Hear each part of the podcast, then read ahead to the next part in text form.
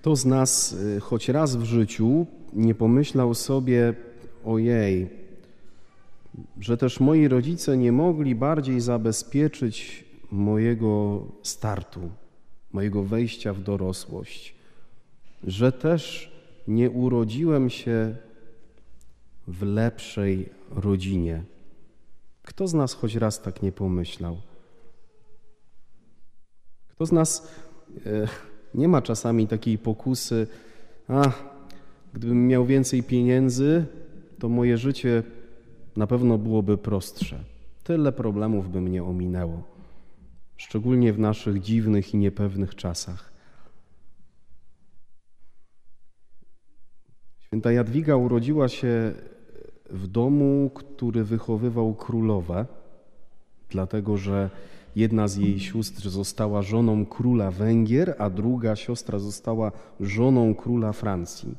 Więc e, no naprawdę miała start wysoki. Rodzice posłali ją do szkoły, gdzie uczyła się, choć co, co wcale 800 lat temu nie było takie oczywiste, uczyła się, jak poznawać Pismo Święte, e, uczyła się historii ojców Kościoła, języka greckiego, łacińskiego i wszystkich ówczesnych, najnowszych osiągnięć nauki.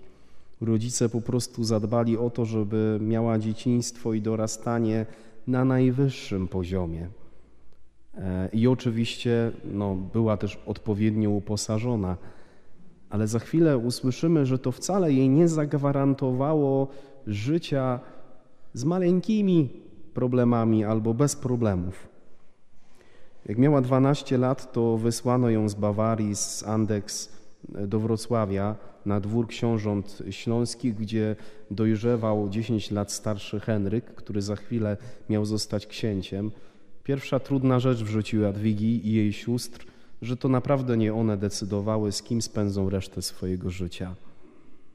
Jeszcze tym bardziej, że były w takiej, a nie innej rodzinie wychowywane, ktoś za nie zdecydował, kto będzie ich męż, mężem, kto będzie ich mężami. Trudna rzecz. A jednocześnie kroniki bardzo jasno nam pokazują, że Jadwiga, kiedy została żoną e, Henryka, to podjęła z nim pierwszą błogosławioną decyzję, to znaczy, miała, mogła oczywiście stwierdzić, dobra, jak trzeba, to trzeba, ale będę miała jakieś tam swoje życie, e, coś z, no, z Henrykiem jakoś tam e, będziemy się starać, będziemy mieli dziećmi na, dzieci, ale bez przesady. No ale pierwsza taka niesamowita decyzja, że tak bardzo otwierają się na życie, że, że pojawia się na świecie siódemka dzieci. I e, Jadwiga, e, jak mówią historycy, jak, jak, potrafią się tego dopatrzeć w kronikach, podejmuje mnóstwo błogosławionych maleńkich decyzji przez to, że jest bardzo wrażliwa na potrzeby ludzi biednych i uciskanych. Jako żona księcia czasami wręcz walczy o to, żeby biednym było po prostu lepiej. E, Jadwiga podejmuje mnóstwo błogosławionych decyzji przez to, że decyduje o tym, że w różnych miejscach na Śląsku, szczególnie na Dolnym Śląsku, powstają kolejne kościoły i klasztory. Między innymi e, klasztor e, mniszek, cysterek w Trzebnicy, nieopodal Wrocławia. Często potem na tablicach, oczywiście po łacinie, zostało wyryte imię Henryka, jej męża, ale przeważnie to ona po cichu e, była tym dobrym duchem wielu fundacji. Jadwiga wreszcie bardzo e, dba o to, żeby jej dzieci e, wyrosły na dobrych ludzi, ale niestety do wieku 18 roku życia dożywa tylko dwójka z siódemki dzieci Henryk i Gertruda. W międzyczasie e, podejmuje razem z mężem decyzję, której po 800 latach chyba nie za bardzo rozumiemy, bo miała wtedy Jadwiga 33 lata, i razem z Henrykiem zdecydowali, że odtąd nie będą sobie na 100% okazywać czułości i miłości, tylko postawili granicę swojej bliskości cielesnej. E, bardzo wydaje się trudna decyzja, szczególnie dla kobiety, która ma 33 lata. Mówię, wtedy 800 lat temu było też dosyć specyficzne spojrzenie na na świętość i na to e, no, tak naprawdę jak należy w codzienności żyć i układać relacje. ale na pewno widać w tej decyzji dużo łaski Bożej, no bo która kobieta, y, będąc żoną, kochając swojego męża, byłaby w ogóle zdolna, żeby taką decyzję podjąć. Niestety, kochani, w międzyczasie zaczynają się rodzić duże problemy. Y, siostra Jadwigi, która jest królową Węgier, zostaje w nocy potajemnie zabita. Nikt nie wie, kto ją zabił. Druga siostra, co wyszła za króla Węgier, y, Francji, dowiaduje się o tym, że jej, że jej mąż jednak ma ważne małżeństwo z pierwszą żoną, bo starał się o stwierdzenie nieważności, ale papież się na to nie zgodził, więc cała Europa huczy, kto to tam jest y, żoną, drugą żoną króla Francji. Mało tego, Konrad Mazowiecki, książę e, Płocka, porywa Henryka, męża Jadwigi, dlatego że Henryk przez chwilę rządzi w Krakowie dzielnicą senioralną, to jest rozbicie dzielnicowe i, i nawet zapisał się przez chwilę jako władca Polski, ale Konrad ma też ambicje, że chce być władcą Polski, więc Henryk zostaje uwięziony na Mazowszu i wiecie co robi Jadwiga?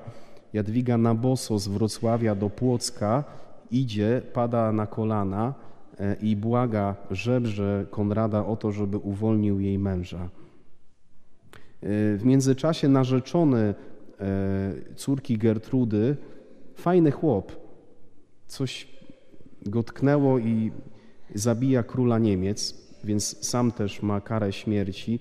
Gertruda zaczyna się modlić i stwierdza, że w takim razie, skoro ten jej ukochany nie będzie jej mężem, to ona w ogóle nie będzie miała męża i wstępuje do klasztoru, który ufundowała jej mama w Trzebnicy, do klasztoru cysterek. I jeszcze na dokładkę w 1241 roku, kiedy Tatarzy napadli Śląsk, e, w bitwie pod Legnicą ginie syn e, Jadwigi, e, Henryk Pobożny. Więc ostatecznie Jadwiga zostaje wdową, ze całej wielkiej rodziny jest tylko Gertruda, która jest y, w tym momencie przeoryszą, czyli szefową żeńskiego klasztoru. I Jadwiga stoi przed kolejną ważną dla niej decyzją, taką ostatnią, która otwiera ją na ostatni etap życia. Mianowicie sama decyduje się ubrać habit i resztę swojego życia spędza e, w odosobnieniu, na modlitwie i umiera w opinii świętości właśnie jako siostra zakonna, jako mniszka. E, w klasztorze w Trzebnicy. I tak, kiedy słuchasz tej historii, to widzisz, że mimo tego, że Jadwiga miała naprawdę dobry start i przez całe swoje życie miała dostęp do wielkich pieniędzy, to y, historią swojego dramatu mogłaby obdzielić wiele kobiet. I tak naprawdę szkoda, że jeszcze nikt tak porządnie nie zrobił serialu na temat Jadwigi, bo myślę, że no, no byłby, byłby naprawdę e, dużym hitem. I kiedy tak, kochani, patrzymy na, na historię naszej patronki, e, patronki Śląska, warto sobie zadać pytanie, czego my możemy się od Jadwigi dzisiaj nauczyć. Jadwiga, która miała tak trudne życie, jednocześnie pewnie słyszała słowa dzisiejszej Ewangelii, gdzie przychodzi Maryja z krewnymi Pana Jezusa, z kuzynostwem prawdopodobnie.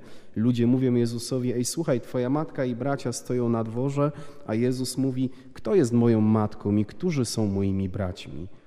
Kto pełni wolę Bożą, ten mi jest bratem, siostrą i matką. Jadwiga pewnie e, w tych wszystkich e, trudnych momentach bardzo mocno doświadczała tego, że jest w rodzinie Pana Jezusa że Jezus się o nią troszczy i, i, i że Jezus jest dla niej e, wielkim pocieszeniem. Ale zobaczcie, opowiadając życie Jadwigi, bardzo celowo pokazywałem Wam e, różne decyzje, które ona podejmowała, dlatego że właśnie dobre i błogosławione decyzje pomagały Jadwidze wchodzić na kolejne etapy jej życia. I tak patrząc na Jadwigę, patrząc na dzisiejszą e, Ewangelię, widzę, że Pan Bóg zaprasza nas do tego, abyśmy ciągle podejmowali dobre decyzje. Także, a może przede wszystkim decyzje związane z naszym życiem rodzinnym. Bo święty Augustyn e, mówił, raz wybrawszy, ciągle wybierać muszę. Zobaczcie, gdyby Jadwiga nie zmagała się codziennie z wyborem, czy być dalej na tym dworze, czy kochać tego człowieka, czy akceptować swoje życie, to może dzisiaj nie czcilibyśmy jej jako świętej, ale może byśmy, może historia zapamiętałaby ją jako kobietę bardzo tragiczną, smutną, zrozpaczoną, zdruzgotaną. Zadaj sobie dzisiaj pytanie, czy wybrałbym dzisiaj, gdybym znał tak do końca moją żonę, którą mam? Czy wybrałabym dzisiaj mojego męża, którego kiedyś wybrałam? To pytanie wydaje się bardzo głupie, ale kochani, nie oszukujmy się, że w naszym życiu często idziemy metodą rozpędu. Kiedyś się zdecydowaliśmy, kiedyś się pobraliście, kiedyś zaczęło się wasze życie rodzinne. W pewnym momencie pojawiły się dzieci, w pewnym momencie pojawiły się wnuki. Dobrze, super, wszystko fajnie. Jedno wynika z drugiego. Ale bardzo celowo chcecie dzisiaj zapytać, czy patrząc na, świętego, na świętą Jadwigę, słuchając dzisiejszej Ewangelii, umiałbyś, umiałabyś skusić się na takie ćwiczenie, że wstajesz jutro rano i mówisz w swoim sercu: Boże, wybieram dzisiaj świadomie moją rodzinę. Wstajesz jutro rano albo we wtorek rano, w środę rano, w kolejne dni i mówisz w sercu: Boże, wybieram dzisiaj mojego męża. Boże, wybieram dzisiaj moją żonę. Jestem bardzo ciekawy tego, jeżeli skusisz się na takie ćwiczenie, jakie odczucia, jakie wewnętrzne przeżycia pojawią się e, w Twoim sercu, kiedy jutro, pojutrze, w środę, w czwartek, w piątek, o poranku będziesz próbować powiedzieć sobie i Panu Bogu takie słowa. Raz wybierając, ciągle wybierać muszę. To nie jest tak, jak wiecie, w, tym, e, w tej anegdocie. E, czemu ty mi nie mówisz, że mnie kochasz? Powiedziałem ci 20 lat temu, jakby się coś zmieniło, to bym powiedział. To jest, to jest, jak w tej no, no nie, ta anegdota no dużo chyba oddaje. Raz wybierając, ciągle wybierać muszę. Nie jest tak, że ja 12 lat temu przyjąłem święcenia kapłańskie i teraz już po prostu jestem księdzem, ale codziennie rano jak wstaję, to Jezus mnie pyta, Mateusz, czy ty dzisiaj chcesz być księdzem? Czy ty dzisiaj chcesz być proboszczem? Czy ty zdecydujesz się na to życie? Czy ty zaakceptujesz Twoją codzienność? Czy ty zaakceptujesz to, że jesteś w takiej sytuacji? Oczywiście to nie chodzi o to, że teraz masz stwierdzić, że to, co cię boli, ciebie nie boli, to, z czym sobie nie radzisz, to sobie radzisz. Tu nie chodzi o to, żeby przed sobą teraz kogoś udawać, tylko żeby odkryć, że dobra, dojrzała decyzja każdego poranka może mnie otworzyć na większe błogosławieństwo, tak jak dobre decyzje w życiu świętej Jadwigi otwierały ją na jeszcze większe, jeszcze głębsze Boże błogosławieństwo. Dlaczego to możemy zrobić? Dlatego, że Jezus każdego dnia decyduje się na Ciebie i mnie. Jezus każdego dnia mówi na nowo do mnie i do Ciebie słowa pełne miłości i czułości. Jezus każdego dnia wybiera mnie i Ciebie na nowo. Dlaczego? Bo jest wierny. I ta wierność Jezusa, którą możesz odkrywać na modlitwie osobistej, w Piśmie Świętym, we mszy świętej, we wspólnocie domu czy w jakiejś wspólnocie parafialnej, którą tworzysz, ta wierność Jezusa może być dla Ciebie bardzo mocnym oparciem i źródłem siły do czego? Do tego, żeby ciągle ponawiać błogosławione decyzje w Twoim życiu.